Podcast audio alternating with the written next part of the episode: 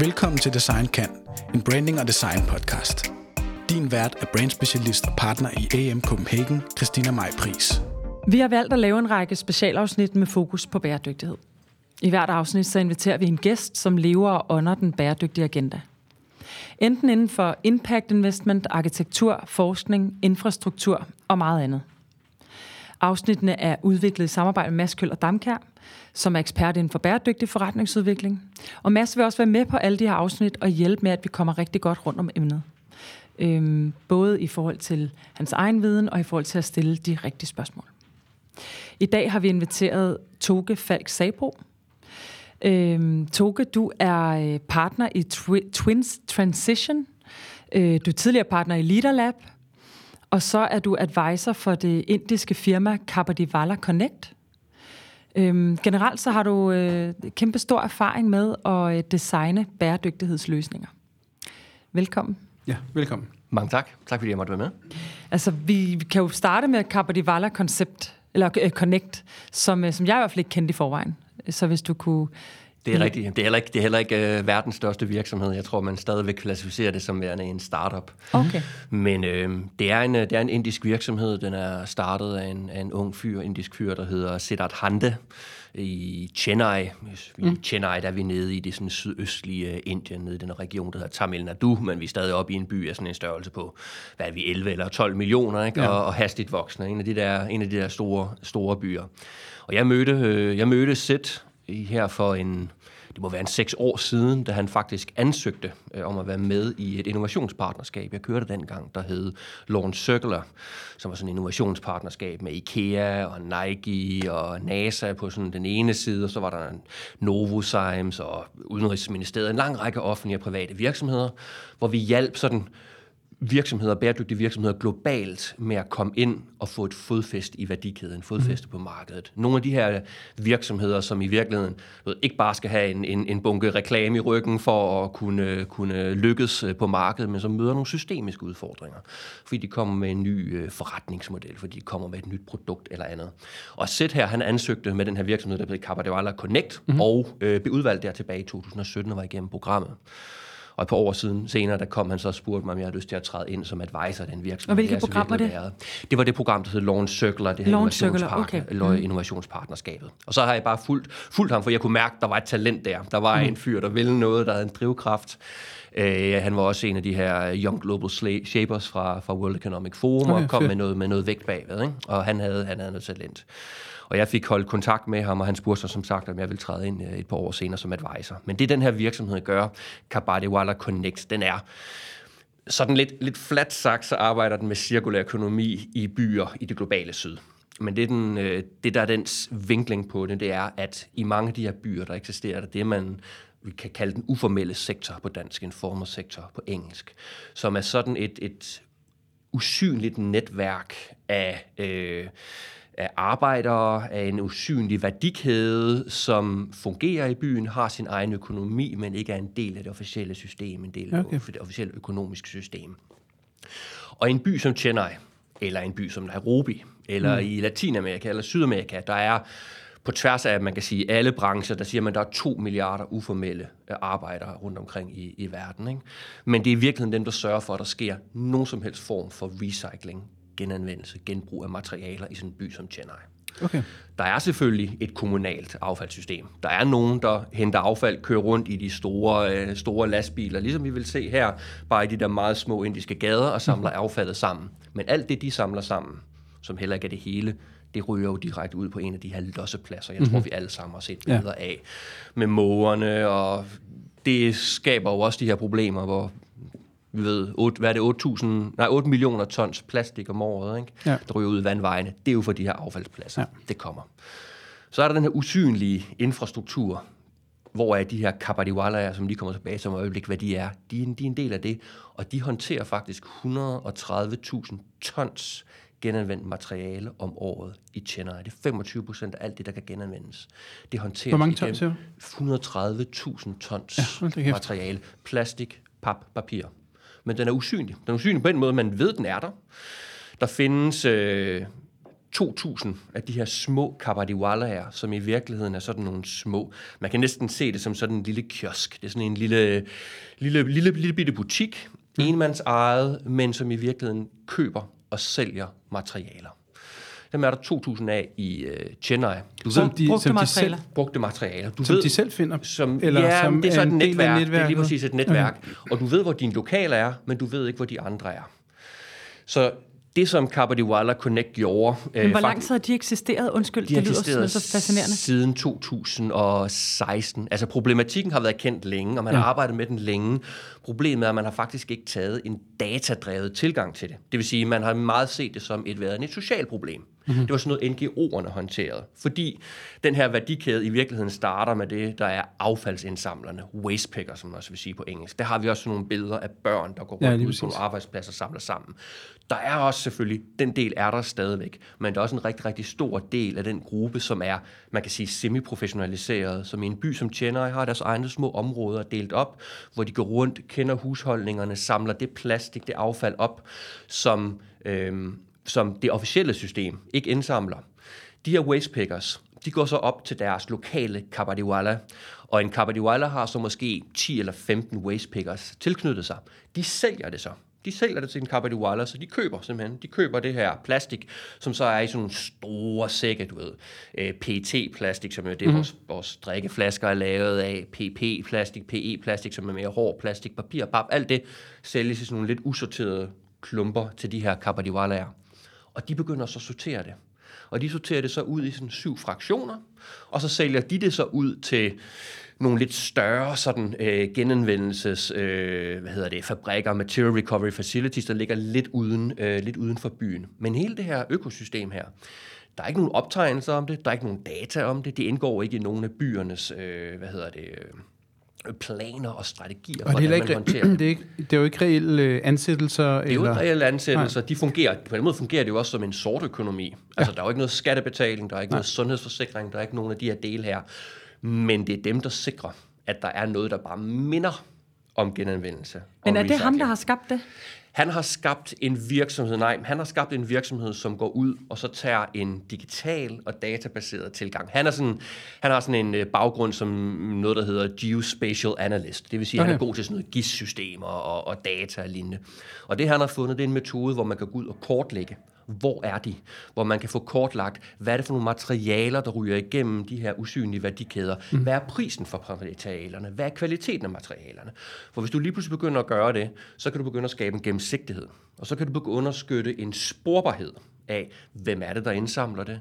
Hvad er det for nogle materialer, der kommer igennem? Og så kan du begynde at lave nogle reelle cirkulære loops, hvor du kan koble det op til Måske i sidste ende en Tetra Pak, en Carlsberg, en Novo, som har behov for at få noget tilbage, men som jo har nogle skrabe krav til, hvor skal det komme fra, og hvad skal kvaliteten være. Men hvordan digitaliserer han en Cabardivala, som står i en sådan enmandsbutik et eller andet sted, måske i slummen, eller hvordan... hvordan Jamen, det, det er nemlig et godt spørgsmål. Det, her, det er vel ikke adgang til at en af de ting, han fandt ud af i hans kortlægning, dengang han lavede den her kortlægning, mm. som mhm. var finansieret faktisk af, af World Economic Forum og senere af, af Verdensbanken, det var at langt størstedelen af faktisk både de her wastepickers, men også de her Kabadiwalaer, de har jo smartphones. Ja, selvfølgelig har de selvfølgelig. det. Mm. Så øh, det her med at øh, lave en lille app, og så måske sætte en Bluetooth-vægt op, og så arbejde med nogle QR-codes, og så kommer du som, øh, hvad hedder det, som wastepicker, så afleverer du den her store øh, bunke med affald, så har du en underskrift, du laver, eller du laver en fingeraftryk, der kommer en QR-code på, de sorterer det ud øh, og kan veje det, og der kommer en afregning af pris, så du arbejder med sådan en mass balance princip, så begynder du lige pludselig at have konturerne af en mm-hmm. sporbarhed, som rent faktisk fungerer, og hvor du kan vise præcis, hvem har samlet det ind, hvor næsten ned på sådan GPS, øh, sådan øh, koordinater. Ja. Øh, du kan sætte en pris på, du kan sætte en kvalitet på, og du begynder at kunne skabe en rent faktisk værdikæde. Mm. Og hvad får de der wastepickers, hvad får de ud af den? De får en mulighed for økonomisk vækst, mm. og i sidste ende får de muligheden for ikke at skulle vælge imellem deres liv og sundhed og deres økonomiske indtjening. Ja. Det er jo det, der er målet. Ja. Fordi lige nu er det en ekstremt sårbar gruppe stadigvæk. Klar. Så man må endelig ikke se det her som at gå ind og udnytte en sårbar gruppe. Ønsket er netop at sige, hvordan er det, vi kan løfte den her gruppe ind og blive en reel samarbejdspartner. Ha' den sådan, mm. skabe en synlighed om dem, skabe en empati omkring dem, men hvor man også stadig anerkender, at der ligger et kæmpestort innovationspotentiale, fordi mm. de er forretningsfolk. Hvad er din rolle i kraft af advisor på sådan et projekt som det her? Øh, Dels så er det, fordi at uh, Sid, han er en glad iværksætter, så det er at prøve nogle gange at hjælpe ham med bare at få en lille smule styr på hans forretning, mm-hmm. og ja. når vi sidder og snakker med Michelle eller Saint-Gobain eller, eller nogle af de andre, hvordan er det, vi skal sætte de her projekter sammen, øh, for at de giver mening. Så det er det eneste. Det er sådan en lidt klassisk uh, business advisor-rolle. Den anden er, at, at Sid, måske også fordi han var med i det her innovationspartnerskab, Lån Circle, talte om, mm. som jo bedrevet af København og ud af Norden, og havde sådan en stærk nordisk sjæl i virkeligheden sådan kom ind under huden på, hvordan det er, vi tænker cirkulær økonomi, hvordan det er, vi tænker bæredygtighed i Norden, og i virkeligheden ser en lang række samarbejdspotentialer. Så vi er i gang med at starte et, øh, et APS i København, som er et øh, datterselskab af det indiske. Okay, det er sådan lidt omvendt af, hvad ja. det plejer at være. Ikke? Men med udgangspunkt i at skulle skabe forskningssamarbejder, innovationssamarbejder, og vi prøver at... På baggrund af Kapadiwala? På grund af, baggrund af Kapadiwala Connects arbejde, men hvor vi forsøger netop at se, hvordan er det, vi kan skabe et, et link imellem den, også den danske tradition for at tænke bæredygtighed og cirkulær økonomi, og så det, der sker dernede. Mm. Vi har faktisk et samarbejde med det norske vandforskningsinstitut lige nu, omkring okay. at kortlægge noget plastikaffald i, i vand, øh, hvad hedder det, floder og vandløb i en region, der hedder Gujarat i, øh, i Indien. Så det igen, det er også den her med, at det virker nogle gange som om, at, at, at når vi kigger på Indien, ikke? altså hvis vi kigger på USA, så er det alt sammen sådan noget, vi skal lære at lære af USA, og vi mm-hmm. laver innovationsambassader i USA, og skal trække erfaring over. Når det er Indien og, og Sydøstasien, og andre, så skal vi ned og sælge, vi skal ned og sælge, ja. sælge, sælge, ja. ikke? Det kunne også være, at vi kunne lytte og lære, ja, lære lidt dem. den anden ja. vej, fordi der er nogle løsninger der, som vi godt kunne få noget inspiration mm. fra, også i Danmark og i ja. Norden og i EU. Og, altså i den forbindelse, der har du nogle gange, øh, når vi har snakket sammen før, øh, nævnt sådan hyper øh, lokal, mm. øh, og, og også hyperlokalitet i vestlig ja. øh, kontekst. Kan du ja. lige prøve at forklare, hvad du egentlig mener med det, og hvordan det her kan være med til, jo. til at fremme Jo, helt, det? helt sikkert, fordi som du siger, det her hyperlokale, som jo i virkeligheden mm, bare lidt handler om, hvad der sker i dit nabolag, hvad der sker lige omkring dig i dit, i dit tætte netværk. Mm. Og det er jo også det, som den her uf- usynlige infrastruktur er bygget op omkring. Du har din helt lokale wastepicker, du har din, eller affaldsindsamler, du har din lokale Kabadiwala Connect. Men den her måde at tænke på, øhm, kan vi godt få behov for også i Danmark og i Norden. Vi er jo vant til at de her meget store øh, offentlige infrastrukturer, så når det er affaldsindsamling, så er det på statslig niveau eller på kommunal niveau. Hvis ikke man kan ikke? google regnskabet, så er det ikke noget værd. Nej, nej, det er det. Og hvis ikke, hvis, ikke, hvis ikke det foregår op i en, i en, i en skala, ikke, hvor vi har nogle, nogle afbrændingsanstalter og mm, nogle andre mm. ting, jamen, så, er det ikke, så er det ikke værd med at gøre. Og det, det har selvfølgelig også sin fornuft øh, på, på, på visse områder. Men det har jo også en tendens til at gøre i vores egen verden nogle ting usynlige. Det gør værdien af materialer usynlige. Det gør mm. værdien af værdistrømme usynlige. Mm. Det gør værdien af, hvordan vi, er, vi kan samarbejde om at skabe den cirkulær økonomi usynlig, fordi der er den her store, det her store mothership i midten. Det giver i hvert fald ikke gode betingelser for græsrodsbevægelser eller for, det, det må man, for lokale det må man, initiativer. Det må man sige. Mm. Øhm, og jeg har sådan stødt på i hvert fald to eksempler her inden for de sidste par år, som jeg synes er, er interessante. Det ene, jeg kan starte med, det er en... Øh, det er en, en engelsk, engelsk virksomhed, som arbejder med, øh, hvad hedder det, som arbejder med fødevarespild. Og øh, klap mig lige gå ned på navnet. Men, men Olio, der kom det, mm, tak, okay. Olio. øhm, startet af, af to, seje, to seje kvinder, som under deres øh, barsel øh, sådan overvejede det her med, hvad er det, vi gør med alle de der ting, vi smider ud af vores køleskab. Og de, øh, de kom begge to ud af sådan en investeringsbanking-verden, mm-hmm. sådan McKinsey og lignende. Ikke? Og de havde lysten til at prøve at gøre noget ved det, men i stedet for det der med at starte med at lave en platform, eller starte med at lave en app, så gik de ud på gaden, så gik de ud på gaden med et spørgeskema. Og så gik de ud i nabolagene, og så begyndte de at, at simpelthen stille spørgsmål om, hvad, hvad kunne få dig til at dele med? Hvad kunne, hvad kunne gøre dig ved at trykke ved, at, at der kom en nabo og bankede på og sagde, her har du tre bananer, eller her har du to appelsiner, eller her har du en, en, en portion lasagne, hvordan er det, vi skaber den her tillid, og hvordan er det, mm. vi skaber det her i virkeligheden samarbejde i det hele lokale. Og det begyndte de så at implementere, og det blev så i virkeligheden til den her øh, app og den her øh, forretning, der hedder Olio, som, som nu er på sådan en klassisk, øh, man kan sige, skalering, skaleringsrejse, okay. ja. men som i virkeligheden startede med det her hyperlokale, der handler om, at hvis ikke vi skaber tilliden i det nære, hvis ikke vi skaber forståelsen mm. i det mm. nære, og det de også forstod fra starten, det var, det her det handler lige så meget om en samtale mellem mennesker og et fællesskab mellem mennesker, som det handler om at dele mad. Mm. Det handler selvfølgelig også om at have den her positive oplevelse af, nu undgik jeg lige lidt spild, men det er fællesskabet, der gør, mm. at man har, at man ja. har lyst til ja. det. Ikke? Så det starter i det der hyperlokale. Og den anden løsning er i virkeligheden en, som man kigger på lige nu i Københavns Kommune, øh, og finder inspiration fra. Det er en hollandsk virksomhed, der hedder Sinons. Og de arbejder med det, de kalder urbane symbo- symbioseressourcer. Ja, okay.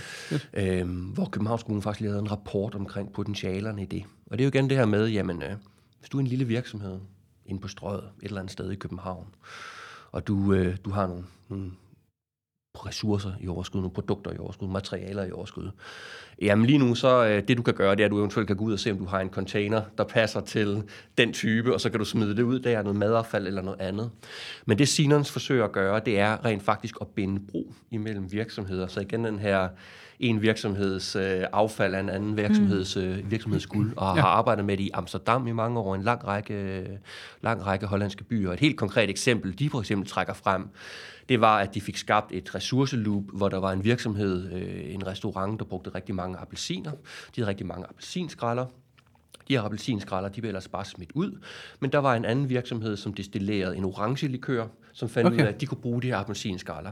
Og det de så også gør i stedet for, det er, at de benytter den lokale infrastruktur, budcykler, eller andre til at gøre det. Ja. Så i stedet for at prøve at etablere sådan et mm. netværk af biler, der kører rundt, så bliver det det forhåndenværende. Mm. Hvem der alligevel lige bringer ting rundt i det her hyperlokale netværk, får lov at transportere tingene rundt. Så den her platform, der igen på mm. græsrodsniveau forsøger at stifte et, et, et fællesskab ja. mellem et, en virksomhed eller en anden virksomhed, øh, og fornytter det forhåndenværende til at bringe tingene rundt, mm. er igen sådan et godt eksempel, synes jeg, på den der, det der med det hyperlokale vi, skal, vi kommer langt med det offentlige system. Vi har et stærkt offentligt system, mm-hmm. men vi kan også kun komme til et vist stykke, før vi begynder at nødt til at involvere os selv mm. i, hvad ja. der sker med vores ja. ting. Ikke? Er der så noget, man kan lære fra, fra nogle af de indiske øh, sådan setups, eller det, du har lært fra Indien også, sådan noget, som man kunne lære, ud over det, de har gjort der? Altså, altså er der, hvad ellers? Øh, altså, for det er jo to vidt forskellige samfund, jo. Ja. Men ja. altså, er der noget, hvor vi kan, hvis vi skal ud og designe nye løsninger og designe nye systemer, som vi kan lære ud over det, du har nævnt nu? Jeg synes i hvert fald, øh, om der sådan er en en-til-en overførsel, der er det klart, at det er to meget, meget forskellige, ja. forskellige verdener. Så der er noget på, som vi taler om lidt nu, det konceptuelle, ikke? det her med, hvordan er det, vi tænker det hyperlokale. Og så vil jeg sige, så er det nok nærmere noget på bestyrelsesgangen og direktionsgangen i nogle af de store nordiske virksomheder, hvor man kan, kan tænke over, når vi nu sidder med alle de her flotte mål for, hvor meget øh, plastik vi skal genanvende per 2025 eller 2030, hvad er det for nogle løsninger, vi sætter i spil. Hvordan er det, vi forsøger at source øh, det plastik ud fra de områder, hvor det rent faktisk er tilgængeligt, hvor vi også agerer. Mm. Indien, hvor Carlsberg er tilgængelig, hvor er til stede, hvor Novo Nordisk er til stede. Altså, hvad er det for en forståelse, vi har af, hvordan tingene enten fungerer lokalt, eller tager vi et ansvar på os for at forsøge at være med til at forstå den lokale kontekst. Og i virkeligheden netop sige, selvom at det kan være svært, hvordan er det så, at vi kan samarbejde mm. med sådan nogen som den uformelle sektor. Så der vil jeg sige, det er måske mere en perspektivlæring. Mm-hmm. Og sige, hvis vi rent faktisk skal have tingene til at lykkes, hvis vi skal have den cirkulære løsning til at fungere i byer som dem der, så kræver det, at vi tager et ansvar på os for at samarbejde med den her øh, uformelle sektor, for ellers så kommer det ikke til at, så kommer det ikke til at ske. Mm. Og, og, og hvem er den uformelle sektor i, altså i Danmark og i, og i Vesten? Altså har vi, har vi en uformel sektor i Danmark? Udover hvis vi selvfølgelig deler mad. Du skal bare komme og besøge os ude på Amager, Mads. Ja. ja, er det rigtigt? vi har jo... Hvis du var øh, lidt åben. Ja, ja, ja. og det kan være, at jeg skal tale det ud en dag. Jamen, ikke, ikke på samme plan. Det er jo nok lidt mere øh, sådan, øh, man kan sige, det er, det er ikke så nødvendighedspræget, vel? Mm. For når vi taler en, en, uformel sektor i et, et sted som Indien, så er det jo selvfølgelig baseret på, at skulle simpelthen tjene penge til at kunne, kunne brødføde. Det handler om overlevelse. Det handler om overlevelse. Ja, og du nævnte 2 milliarder. Hvad, nej, hvor mange der er to, man, man, man estimerer, Verdensbanken estimerer, at der er 2 milliarder ja. øh, globalt den, set, som, som arbejder i den uformelle sektor, det vil sige ja. uden, for, uden for systemet. Øh, ikke? Men, øh, men man kan sige, som sagt, i, i i Chennai, sådan en by der, der er der de der 2.000 af de der Kapadiwala ja. mm. og de har 10-15 waste pickers hver og sådan noget. Ja. Det er kun inden for affaldssystemet. Mm. Så findes det jo også inden for rengøring og husholdning og ja, madlavning og alle ja. de her forskellige ting. Ikke? Mm. Øhm. Hvordan, øhm, Det her, det er jo et eksempel, og det er ja. jo et dejligt eksempel. Ja. Øhm, det kan også være svært at sige, hvad, altså, som vi også lige sidder og snakker om nu, hvordan kan vi tage og bruge det? Du taler selv om et søsterselskab eller et datterselskab, og at vi skal kunne lære osv. På et højere plan, eller man skal sige, sådan kigger mere holistisk over det hele. Hvordan lykkes vi så med hele den her bæredygtige udvikling? Det er jo et svært spørgsmål at stille til dig, men for den er svær, svær at bære selv, ikke? Men altså i forhold til, hvor vi står i verden nu, hvordan mm. lykkes vi?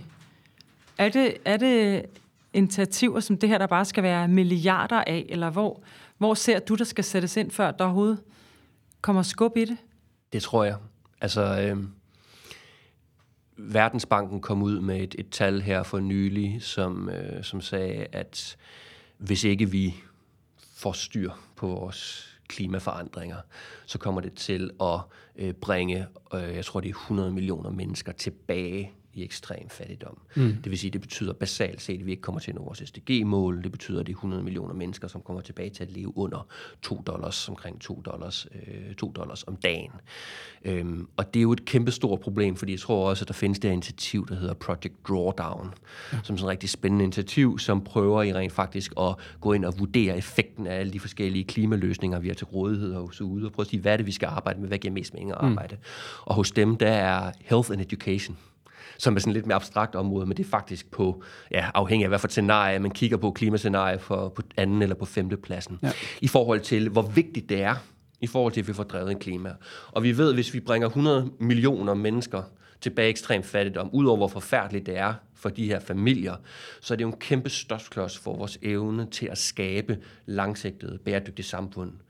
Fordi det handler netop om uddannelse. Det handler om en ny måde at, at skabe og designe et samfund på. Det handler ikke kun om en teknokratisk løsning. Det er kæmpe paradigmeskift og ja. mindset-ændring. Ja, ja. Og hvis du sidder og lever for under 2 ja. dollars om dagen, så er du kilometer fra ja. at være i nærheden af at kunne tage sådan nogle øh, over, overvejelser. Mm.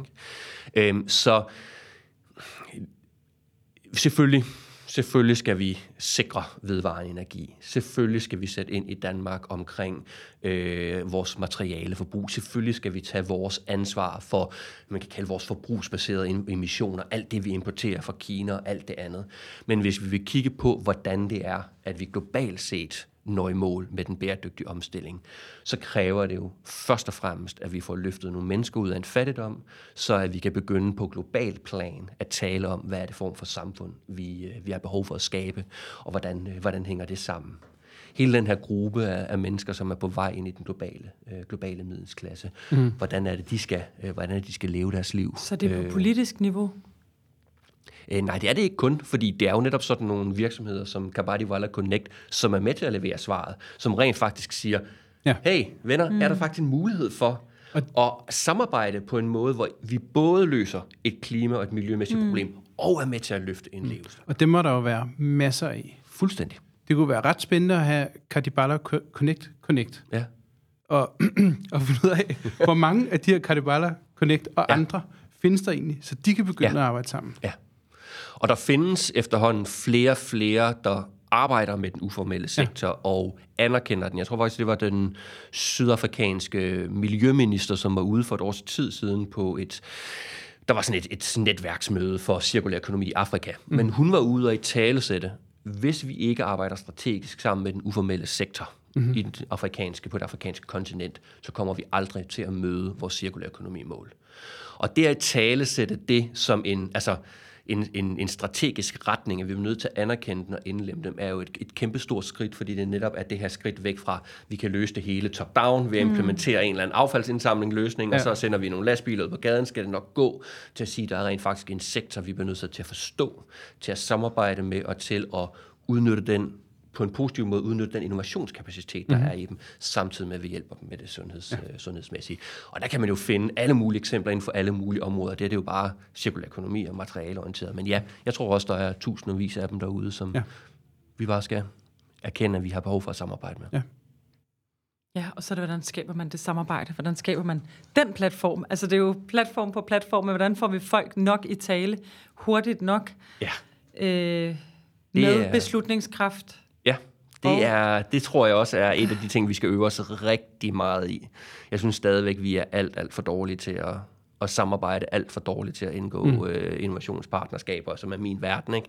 Partnerskaber generelt, vi kommer alt for meget til at sidde i, øh, sidde i vores egen lille, egen lille verden og vores, egen, ja. øh, vores egne siloer. Ikke? Og det der, det er derfor, jeg synes i virkeligheden, at, at de her innovationspartnerskaber, altså partnerskaber, som ikke sådan er rent transaktionsbaseret, hvor det er sådan, du ved, du giver mig en pose mm. penge, og så skaber jeg et eller andet resultat ja. til dig, men hvor der er lidt ukendt øh, du ved, det er sådan lidt slutresultat. Det er sådan lidt, hmm, nu skal mm. vi ud og skabe noget sammen, vi ved ikke rigtig, hvad slutpunktet er, ja. og vi kommer fra hver vores sektor, er utrolig vigtige for den, hvad hedder det, for den bæredygtige omstilling, fordi det tvinger os til at skabe nogle fælles billeder.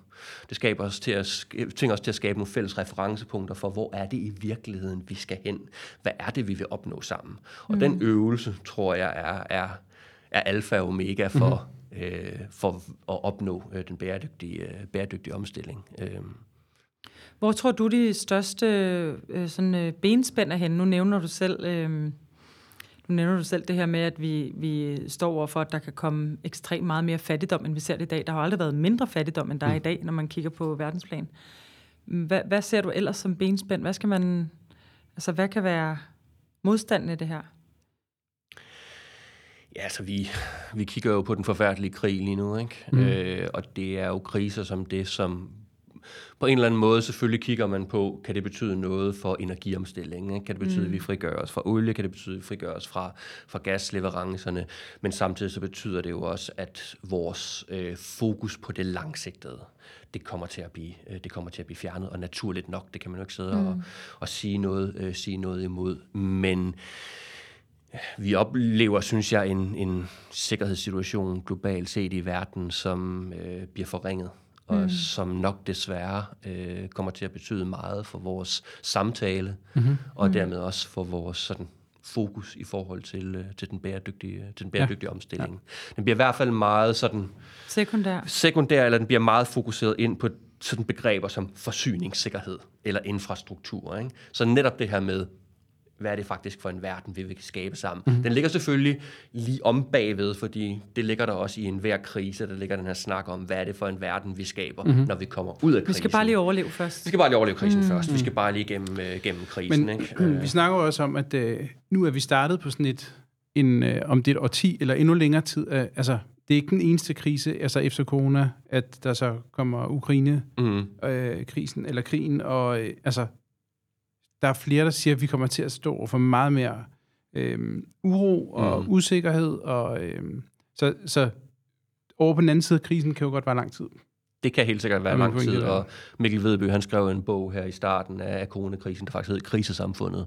Ja. Hvor Mikkel han, hvad, siger du? Mikkel Vedby, mm. øh, som er pro, pro-dekan, dekan, pro-aktor, mm. undskyld, jeg kan ikke lige huske det, på Københavns Universitet. Mm. undskyld, Mikkel. Mm. Øhm, men hvad hedder det? Han skrev en, en bog i starten, øh, hvor han øh, netop beskrev krisesamfundet og sagde, ja. at det her, det er, altså, det her det er ikke én krise. Vi er i en konstant række, øh, række af kriser. Ja, De er jo i natur forskellige, ikke? men vi skal lære at håndtere dem, vi skal lære af dem.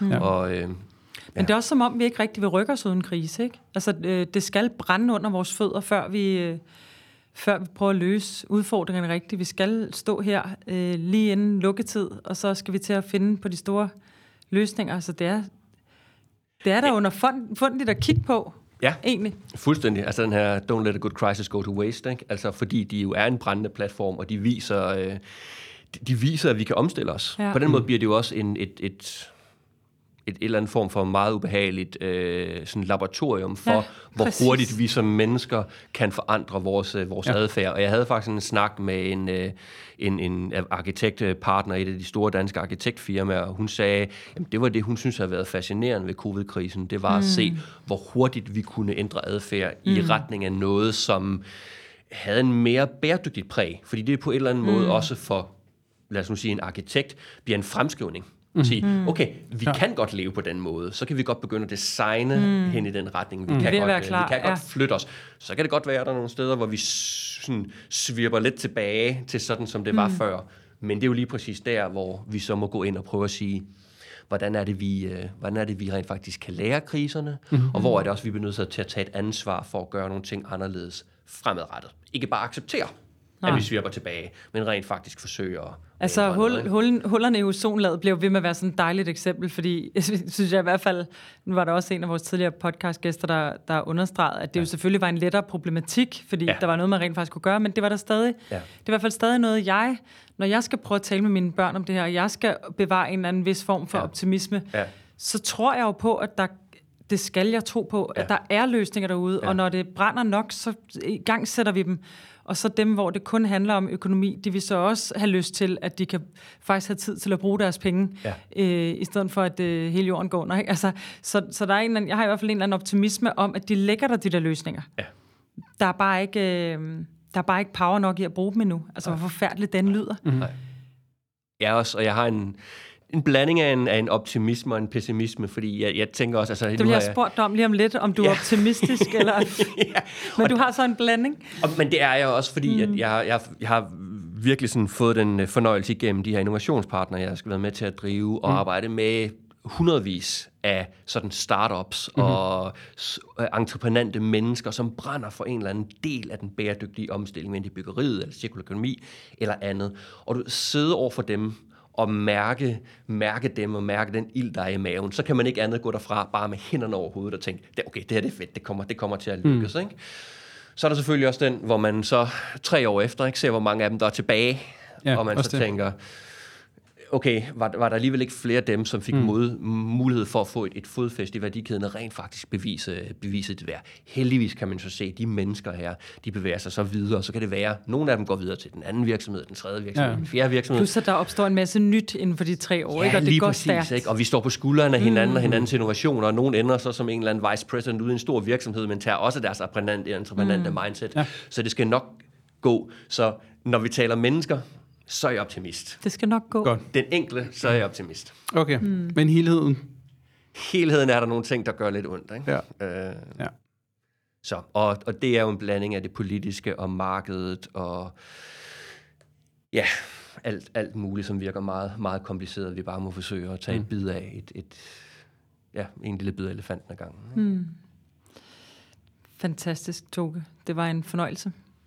Jamen, ja. det har været en fornøjelse. Øh, Ja, og så øh, tror jeg også bare, at vi skal lave sådan en, øh, igen, for folk derude til at, øh, at tænke på, at de små løsninger kan skabe ringe i vandet for endnu større løsninger, så det heller ikke kun handler om at sætte gigantiske ting i søen, men de der lokale initiativer og, og øh, ja, skubbe til agendaen på sin egen måde med mm. de midler, man har, er også mega meget værd.